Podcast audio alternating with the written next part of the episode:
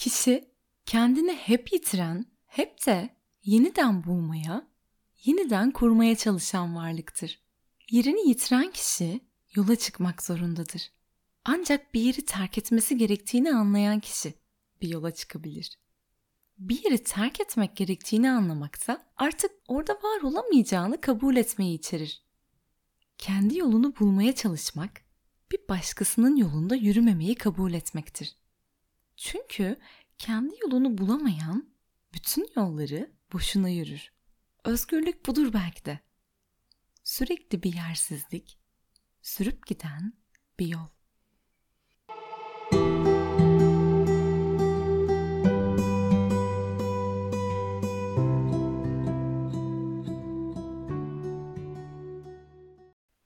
Selam. Ben Büşra. Bunu biraz açar mısın podcast'inin 20. bölümüne hoş geldin. Girişte söylemiş olduklarımı Oruç Aroba'nın Yürüme isimli kitabından aldım. Kendi içinde yolculuğa çıkmaktan bahsederek kendin olmanın anahtarını vermek istedim sanırım sana.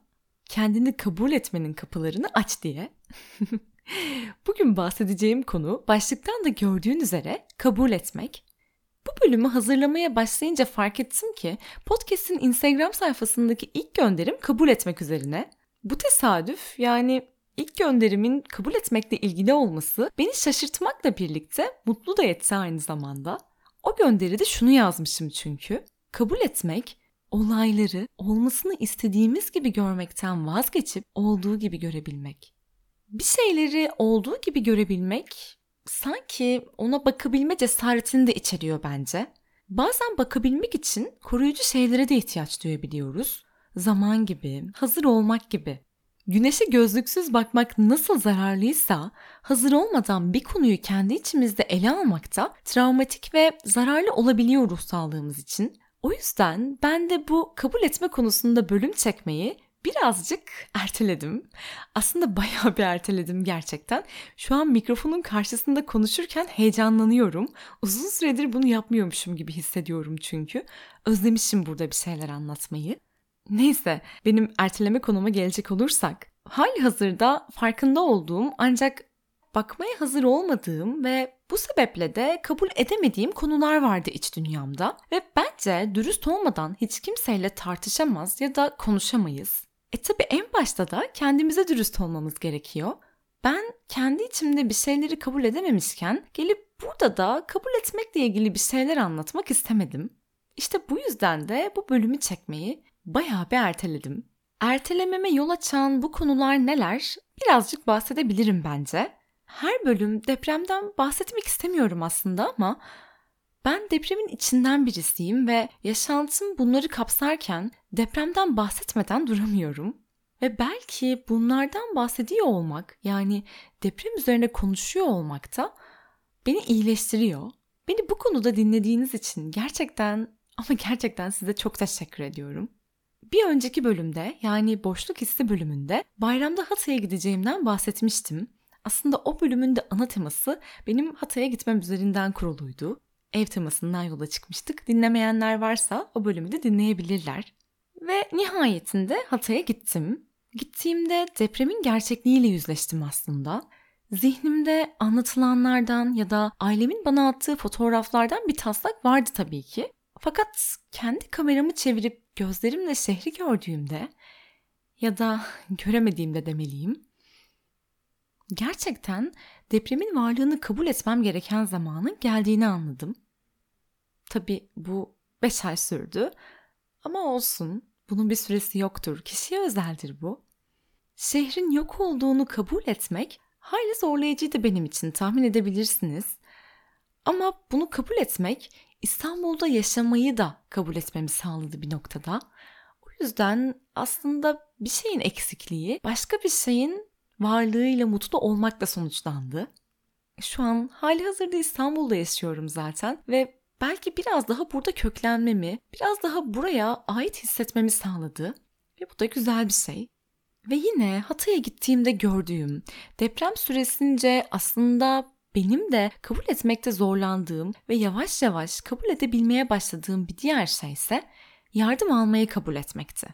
Yardıma ihtiyacım olmadığına ya da yardım almamanın gerçekten güçlü olmak anlamına gelmediğini deprem süreci bana çok güzel öğretti. Hakikaten yardım istemek, yardım isteyebilir duruma gelmek ya da insanların yaptığı yardımı kabul edebilmek çok büyük bir erdem ama aynı zamanda çok zorlayıcı bir yaşantıydı benim için. Bunu da öğretti. Kötü bir şey olsa da, kötü duygular bıraksa da ardında sanırım bu süreçten de boş çıkmıyorum kendi adıma. Tabii keşke yaşanmasaydı o ayrı bir şey. Neyse bu konu bu kadar yeter bence bu bölümde. Aslında biliyorum ki kabul etmeyi öğrenmek de bir süreç. Ve yine biliyorum ki kabul etmek çok zor.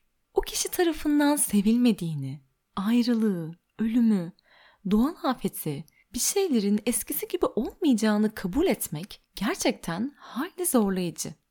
Vazgeçmeyi kabul etmek de buna dahil. Sadece olumsuz şeyler de değil tabii. Bize yapılan bir iyiliği, söylenen güzel bir sözü, iltifatı, yardımı kabullenmek de çoğu zaman çok zor.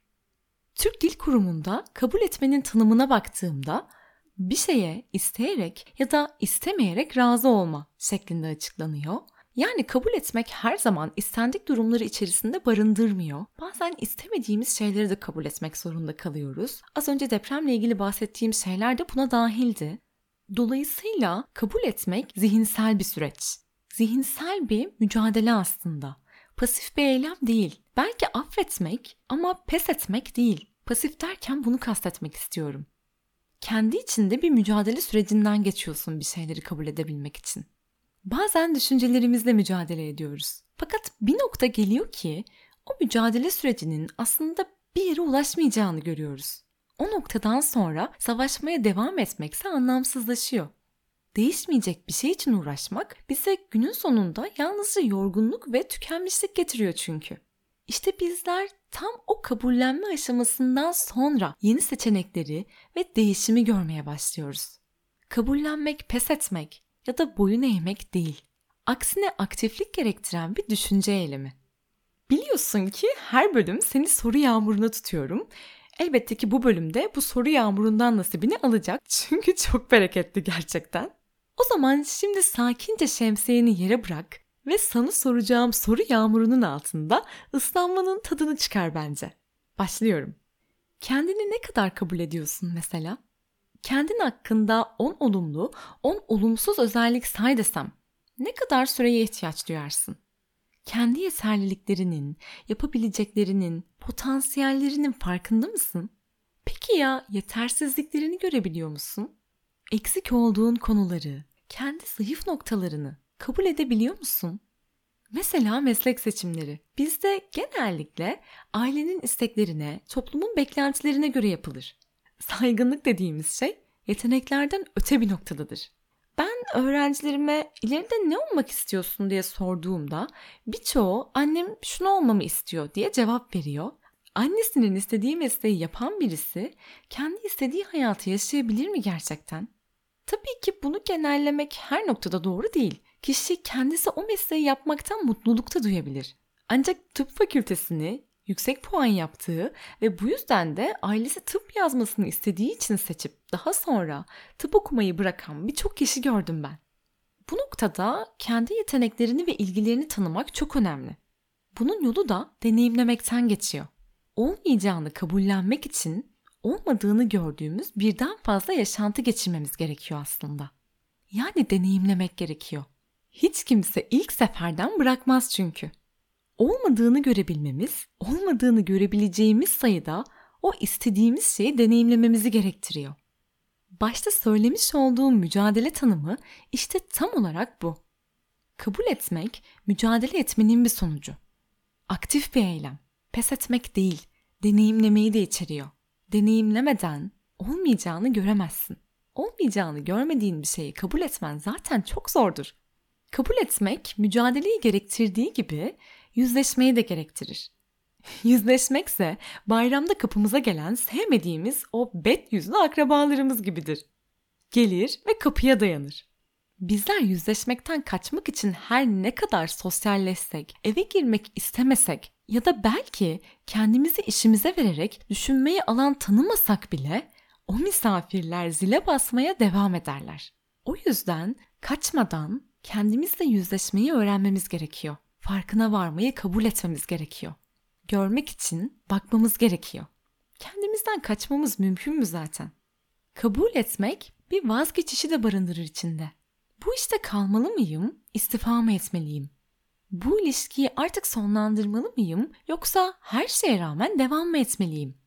Belki de bazen ilişki süresince yaşadıklarımızın yol boyunca bizi değiştirdiğini ve artık geçen zaman ve deneyimlerle birlikte başlangıçtaki halimizden daha farklı iki insan olduğumuzu kabullenmeliyiz. Bu konuyla ilgili bir örnek vermek istiyorum. Yakın zamanda yeni tanıştığım birisi anlattı bunu bana. Bu kişi yaklaşık 35 yaşlarında ve lisedeki ilk aşkıyla evleniyor ve 18 yaşın altında aşık olduğu hayatındaki ilk ve tek kişi olan bu kişiyle evlenmesi ve süreçte o kişiyle beraber büyümesi yaşları 30'a geldiğinde bambaşka iki insan olmalarıyla sonuçlanıyor. Yani birlikte yol alırken aslında aynı yolu yürümediklerini fark ediyorlar. Keyif aldıkları şeylerin zaman içerisinde farklılaştığını, birbirleriyle artık eskisi kadar ortak noktalarının olmadığını fark ediyorlar. Ve yaşları 30'a geldiğinde bu farkındalıkla birlikte boşanıyorlar. Bu hikayeyi dinlediğimde yüzümde bir tebessüm oluştu nedense. Bizler büyüyoruz, değişiyoruz. Yaşamla yol aldıkça gerçekten farklılaşıyoruz. Ve tabii ki aynı şekilde farklılaşamayız. Çünkü aynı deneyimlerden geçmiyoruz. Bu farklılaşmalarla birbirimize uyum sağlayabiliyor muyuz? Bu önemli. Yani bir evliliğe başlarken tabii ki herkes ayrılma düşüncesiyle başlamaz. Fakat bu sürecin içinde ayrılmanın da olduğunu ve bazen sevseniz bile ayrılmanın ikiniz için de daha sağlıklı olduğunu da kabul etmek gerekir.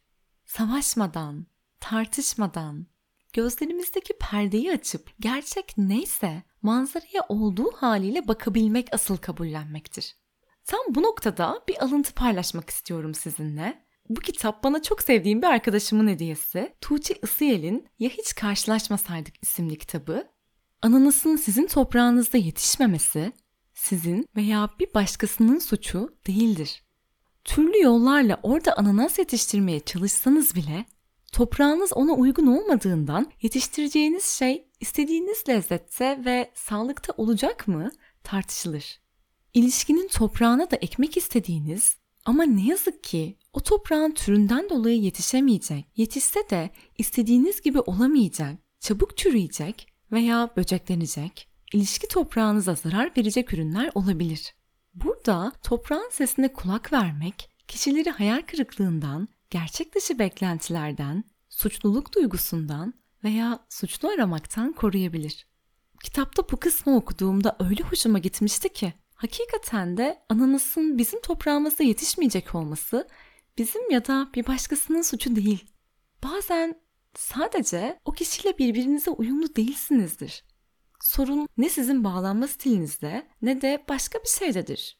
Esas mesele ise bunu kabul edebilmek, bunu görebilmek, fark edebilmeyi içerir. Bunların hepsi ise aktif bir eylemdir. Gördüğünüz gibi tekrar söylüyorum, kabul etmek pasif bir şey değildir. Tabii ki olumsuz bir olay yaşandığında hadi hemen kabul edin demiyorum. Bir durum karşısında önce kendimize zaman tanımak, konuyla ilgili ne hissediyorum, bunun farkına varmak, duygularla ilgili varsa direncimiz bunu acil durumda camı kırın der gibi kırmak çok çok önemli gerçekten. Aynı zamanda sadece olumsuzlukları değil, mesela birisi tarafından gerçekten sevildiğimizi kabul etmek. Birinin hayatında değerli bir yerlerde olduğumuzu kabul edebilmek. Birinin bizim tüm saçmalıklarımızı sıkılmadan, bunalmadan, eleştirmeden, aksine keyif alarak dinlediğini kabul edebilmek. Birinin bizi özlediğini kabul etmek mesela. Ya da başarılarımızı, yetenekli olduğumuz alanları kabul etmek. Şu anda var olduğumuz yere kendi emeklemelerimiz ve zorlanmalarımızla geldiğimizi kabul etmek. Bunlar aslında birçoğumuz için ne kadar zor değil mi? Ölüm kadar, ayrılık kadar zor hatta neredeyse. Ne yazık ki geçmişimizde iyi ve güzel şeylere layık olmadığımız düşüncesi, yetersizlik hissimiz, kendimize dair iyi olan şeylerden gurur duymayı, o başarıları ya da sevilmeyi kabullenmeyi zor hale getiriyor. Sahiplenemiyoruz övgüleri, terfileri, verdiğimiz emekleri bile sahiplenemiyoruz bazen. İnanın bu bana da çok uzak bir şey değil. Mükemmelliyetçilik bölümümde ya da imposter sendromundan bahsettiğim bölümde bunların izlerini çok net görebilirsiniz. O yüzden kabul etmek gerçekten zorlayıcı ama buna değen de bir süreç. Yine duygusal moda geçtim fark ettiyseniz. Neyse birazcık enerjimizi toparlayalım. Instagram'da size önermiştim. Modern Love diye bir dizi izliyorum ben. Amazon'dan izliyorum ama başka yerlerde de bulursunuz diye düşünüyorum. Her bölümü farklı bir aşk hikayesini barındırıyor aslında. Ama böyle klişe şeylerden bahsetmiyorum. İzlediğinizde hem oyunculukların çok iyi olduğunu göreceksiniz hem de hikayelerin. O yüzden önerimdir. Ha bu arada beni hala Instagram'dan takip etmiyorsanız ve tabii ki şu anda dinlediğiniz platform her neyse Spotify, Apple Podcast, Google Podcast, Podi her neyse beni dinlemiş olduğunuz platformdan takip etmeyi unutmayın lütfen. Teşekkür ediyorum ve tekrar bölüme dönüyorum. bu dizinin ilk sezonunun 3. bölümü şöyle bir başlıkta. Beni böyle kabul et. Kim olursam olayım. Ben tam bu kabul etme konusu üzerine düşündüğüm sıralarda bu diziye başlamıştım ve ilk sezonun 3. bölümü olması dolayısıyla da bölümü izlediğimde inanılmaz etkilendim. Yani bazen kendi hislerimizde ortak hissetmiş olduğumuz şeylerle daha kolay temas kuruyoruz ya. Sanırım bende o yüzden yeri çok ayrı olacak. Şimdi size bölümün içeriğinden bahsedeceğim. Çünkü gerçekten çok güzel bir yere değiniyordu. Umarım çok spoiler vermem. Verirsem de bence beni mazur görürsünüz diye düşünüyorum. Bu bölümde yani dizinin bölümünde bipolar olan bir kadın ömrü boyunca tüm arkadaşları ve hoşlandığı erkeklerden hastalığını saklıyor. Sevilmemekten korktuğu için sevilmemeyi tercih ediyor aslında. Kendine adeta bunu kanıtlama çabası içerisine giriyor da diyebiliriz. Kim olduğunu gizliyor insanlardan. Asıl benliğini saklıyor. Bipolar nedir bilmeyenler için çok kısa bahsedeyim.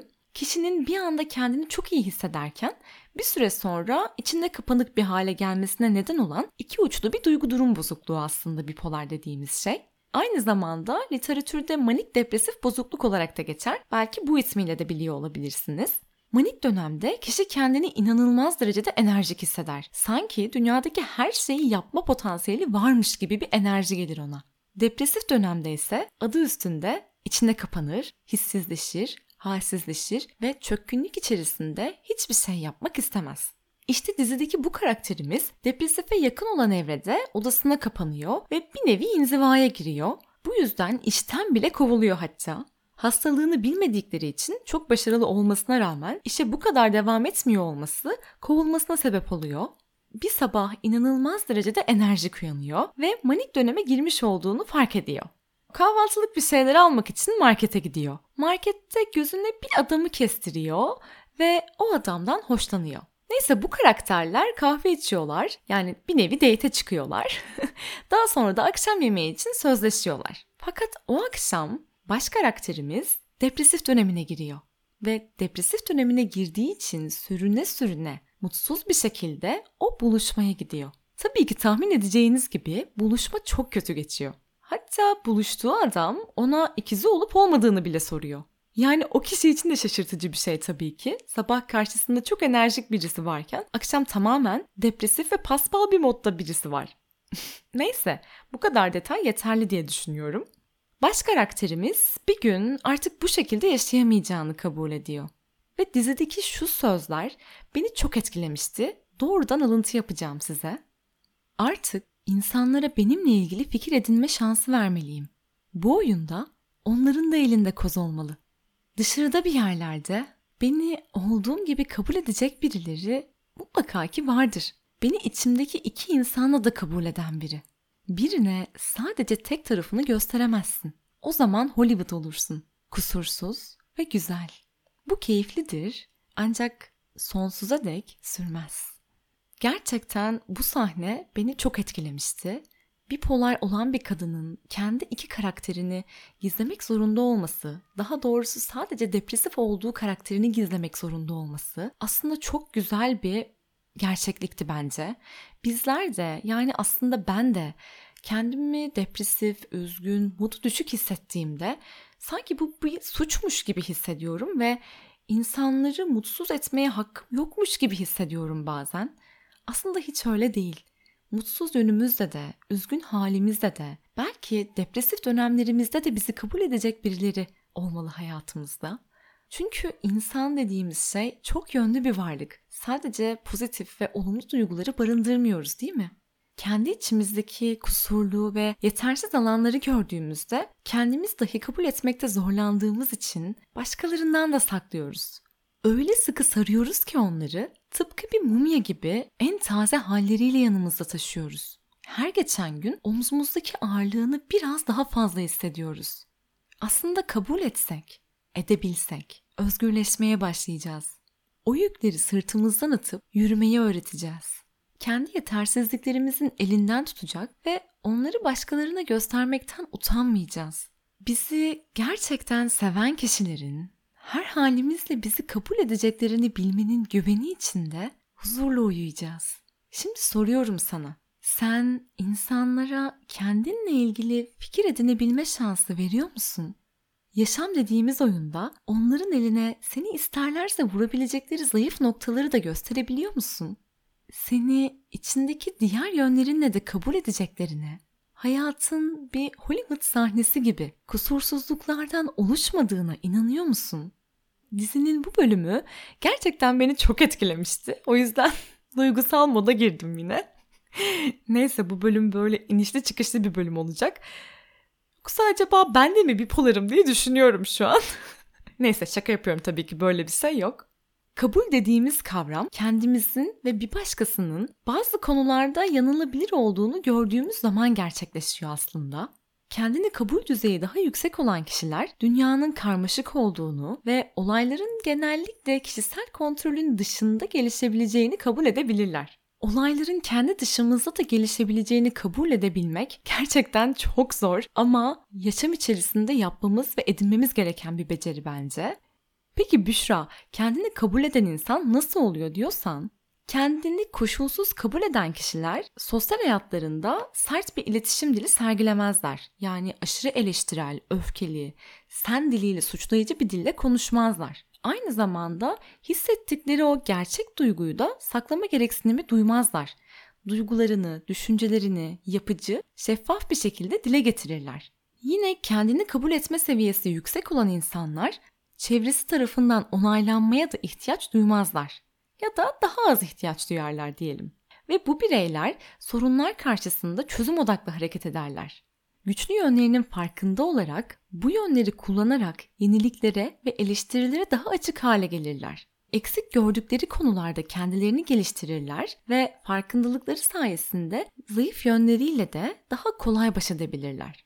Yani kendini kabul dediğimiz şey kişinin kendi kusurlarını eleştirmeyi ve çözmeyi bırakıp bazı kısımlarda kusurlu olmaya tahammül edebilmesiyle bunların içinde var olduğunu kabul etmesiyle sağlanabilir. Ve bazen çözmemek de gerekir. Kendinizi olduğunuz gibi kabul etmek, kendinizin her yönünü sevmeniz, takdir etmeniz veya kutlamanız gerektiği anlamına da gelmez.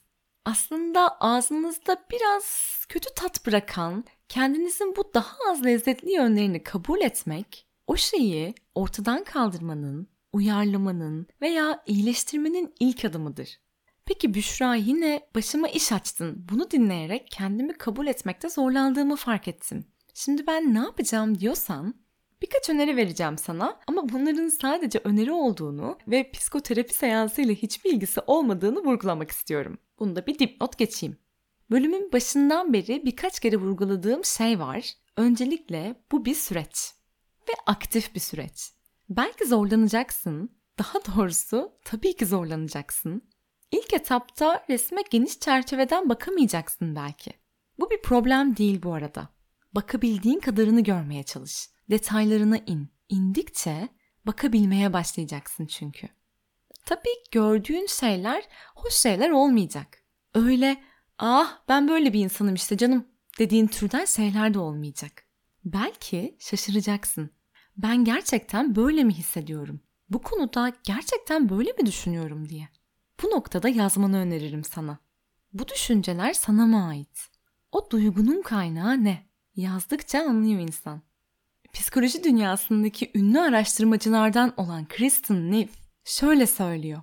Araştırmamda insanların kendilerine daha fazla şefkat göstermemelerinin en büyük sebebinin kendilerini beğeneceklerinden korkmaları olduğunu gördüm. Kendilerini hizada tutan şeyin öz eleştiri olduğunu buldum. Kültürümüz kendine karşı katı olmanın doğru yol olduğunu gösteriyor demiş. Tabii kültürler farklı olsa da bence bu konuda birçoğumuzu aynı etkiliyor. Yani bizler kendimizi o kadar fazla eleştiriyoruz ki beğenilmekten, kendimizi beğenmekten, kendimizi sevmekten korkuyoruz. O yüzden de kendimize şefkat gösteremiyor ve kabul edemiyoruz. Şimdi etrafındaki insanları düşünmeni istiyorum senden. Ve kendine şu dört soruyu sor. Kim benimle olumsuz konuşuyor? Benim kendimle olumsuz konuşmalarımı, kendimi eleştirmelerimi kim pekiştiriyor? Böyle insanların beni incitmesine neden izin veriyorum? Farklı bir yol seçmeye istekli olmadığım için mi bu kirler içerisinde boğuluyorum?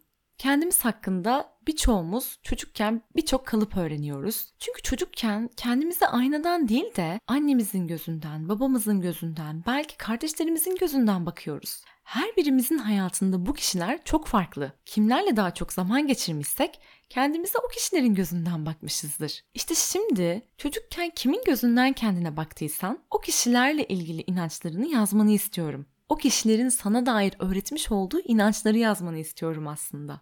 Mesela birisi sana çok kısasın demiştir ve sen kısa olmayla çirkin olmayı birleştirmiş ve sanki kısa olmak kusurluymuş gibi algılamışsındır. Ve şu anda belki kısa boylusundur ve o yüzden de kendini yetersiz hissediyorsundur. Belki de bu düşüncenin altında çocukken sana söylenmiş olan o şey yatıyordur. O yüzden çocukken kimin penceresinden kendine baktıysan bu anne olabilir, baba olabilir, arkadaşlar, öğretmenler ya da ne bileyim başkaları da olabilir. Onların sana öğretmiş olduğu bu inançları teker teker yazmanı istiyorum. Daha sonra bugün onların öğretmiş olduğu bu mesajlardan kaçı senin hayatında hala iz taşıyor? Bunları düşünmeni istiyorum. Onlar tarafından söylenmiş bu mesajlardan hangileri güvenini, mutluluğunu, memnuniyetini destekliyor? Ya da hangileri bunları azaltıyor? Bu mesajlar gerçek mi yoksa sadece bir inanç mı? Peki bugün var olduğun halinle benlik saygını geliştirmek için hangi mesajları değiştirmek istiyorsun? Bunları not etmen, yazman o kadar kıymetli ki. Ve Bazen hakikaten işler yolunda gitmez ve bizler kendimizi küçük görmeye, yetersiz hissetmeye başlarız. O zaman kendine şu soruyu sor. Bu kötü durum, bu bir hata olabilir, başarısızlık olabilir, reddedilme olabilir, bir eleştiri olabilir. Kötü durumun başıma gelmesi benim iyi özelliklerimi elimden alır mı? Almaz değil mi? Bunu kendimize hatırlatmak bazen o kadar zor ki. Bazen bir eleştiriye, bir reddedilmeye o kadar duyarlı oluyoruz ki sanki gerçekten yetersizmişiz gibi, sanki gerçekten hiç özgüvenimiz yokmuş gibi hissediyoruz. Fakat bu doğru değil. Bu bir yanılsama. Ve son olarak ben kelimelerin, bir şeyleri ifade ediş şeklimizin çok önemli olduğunu düşünüyorum. Mesela kötü davrandığımda kötü bir insan değilim. Ben kötü davranan bir insanım demek. İkisi çok farklı. Davranışımıza kötü demek aslında. Kendi benliğimize değil davranışlarımızla kişisel özelliklerimizi birbirinden ayırmak bu noktada çok önemli. Aynı şey iyi şeyler yaptığımızda da geçerli. İyi davranıp bir şeyi başardığımda iyi bir insan değilim. Ben iyi davranmış ve bir şeyler başarmış bir insanım demek. Çok ince bir fark var. Umarım anlatabiliyorumdur şu anda bunu. Mesela aptalca davrandığım için aptal değilim. Aksine bazen aptalca davranışlar üreten aptal olmayan bir insanım. Davranışla kişiliği ayırıyorum farkındaysan. Bahsetmek istediğim şeyi umarım anlatabilmişimdir. Evet, bu bölümün de sonuna geldik. Bir şarkıyla veda edeceğim size. Bu süreçte bana kendimi iyi hissettiren bir şarkıydı bu. Sözleri şöyle.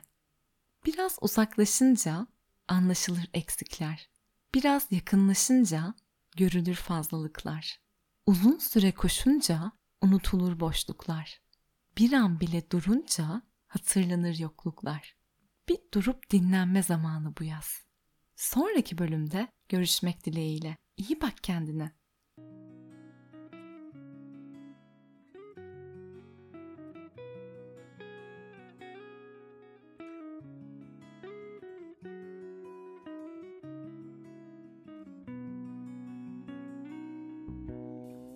Biraz uzaklaşınca anlaşılır eksikler. Biraz yakınlaşınca görülür fazlalıklar. Uzun süre koşunca unutulur boşluklar. Bir an bile durunca hatırlanır yokluklar. Bir durup dinlenme zamanı bu yaz düşünme anları bu sabah. Süzülen uçurtma günleri gökyüzü. Serilip yok olma mevsimi bu örtü. Aşık olmak lazım. Bir bilene anlatmak lazım Sonsuz dehlizlere aşık olmak lazım. Bir güzele yıpranmak lazım. Hayat bu